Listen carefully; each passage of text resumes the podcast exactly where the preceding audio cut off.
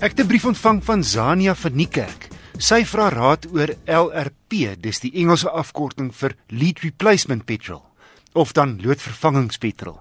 Sy skryf: Ek bestuur 'n 1991 Ford Bantam 1600 bakkie en kan tans slegs LRP tipe brandstof gebruik. Wat staan ons te doen as die LRP petrol nie meer beskikbaar sal wees nie? Vra sy. Ek ondervind nou al dat slegs sekere volstasies die betrokke petrol nog beskikbaar het, sê sy. Ek het gaan aanklop by Nicole Lou, die tydskrif Car se tegniese redakteur. Ja, ek wil net eers 'n bietjie agtergrond vir ons skets. Lood is in die verlede gebruik om die oktaan spesifikasie van brandstof te verhoog. Natuurlik is dit toe verban omdat lood dan nou so sleg vir die natuur is en daarom het ons nou loodvrye brandstof. Die voordeel van lood en brandstof was dat dit uitstekende smering verskaf het tussen die klep en die klepbedding. In Engels is dit nou die valve en die valve seat.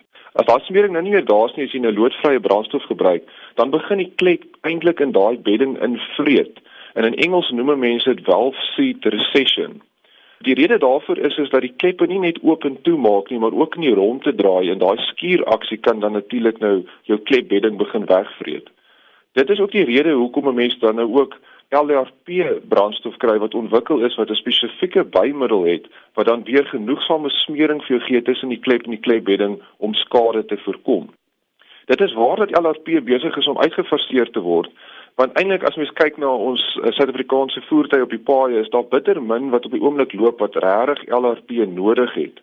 Die goeie nuus vir Zania is dat 'n mens uitstekende bymiddels kry. As jou voertuig dan nou maar moet loop eintlik op LRP en dit word uitgefaseer, dan kan jy 'n bymiddel kry wat jy by loodvrye brandstof voeg wat dan weer vir jou daai um, uitstekende smeerkwaliteite terug gaan gee op die kleppe en wat hier dan skade kan verhoed. Die vraag wat 'n mens dan kan vra is watter engines het dan nou LRP nodig?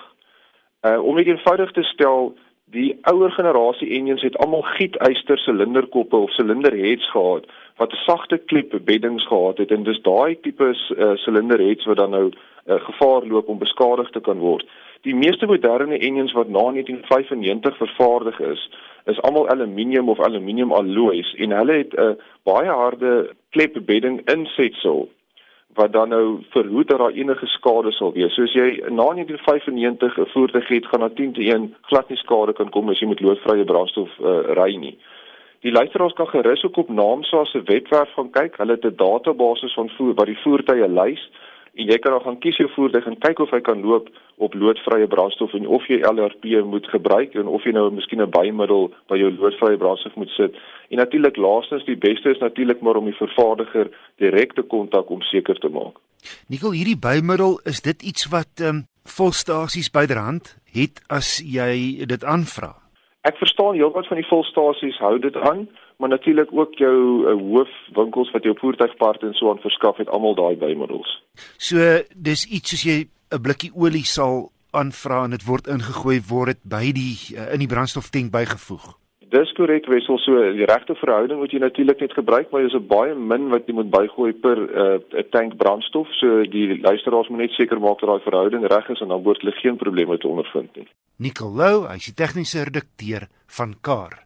Onthou gerus dat enige iemand welkom is om enige motornavraag aan my te stuur. E-pos dit na wissel@rsg.co.za.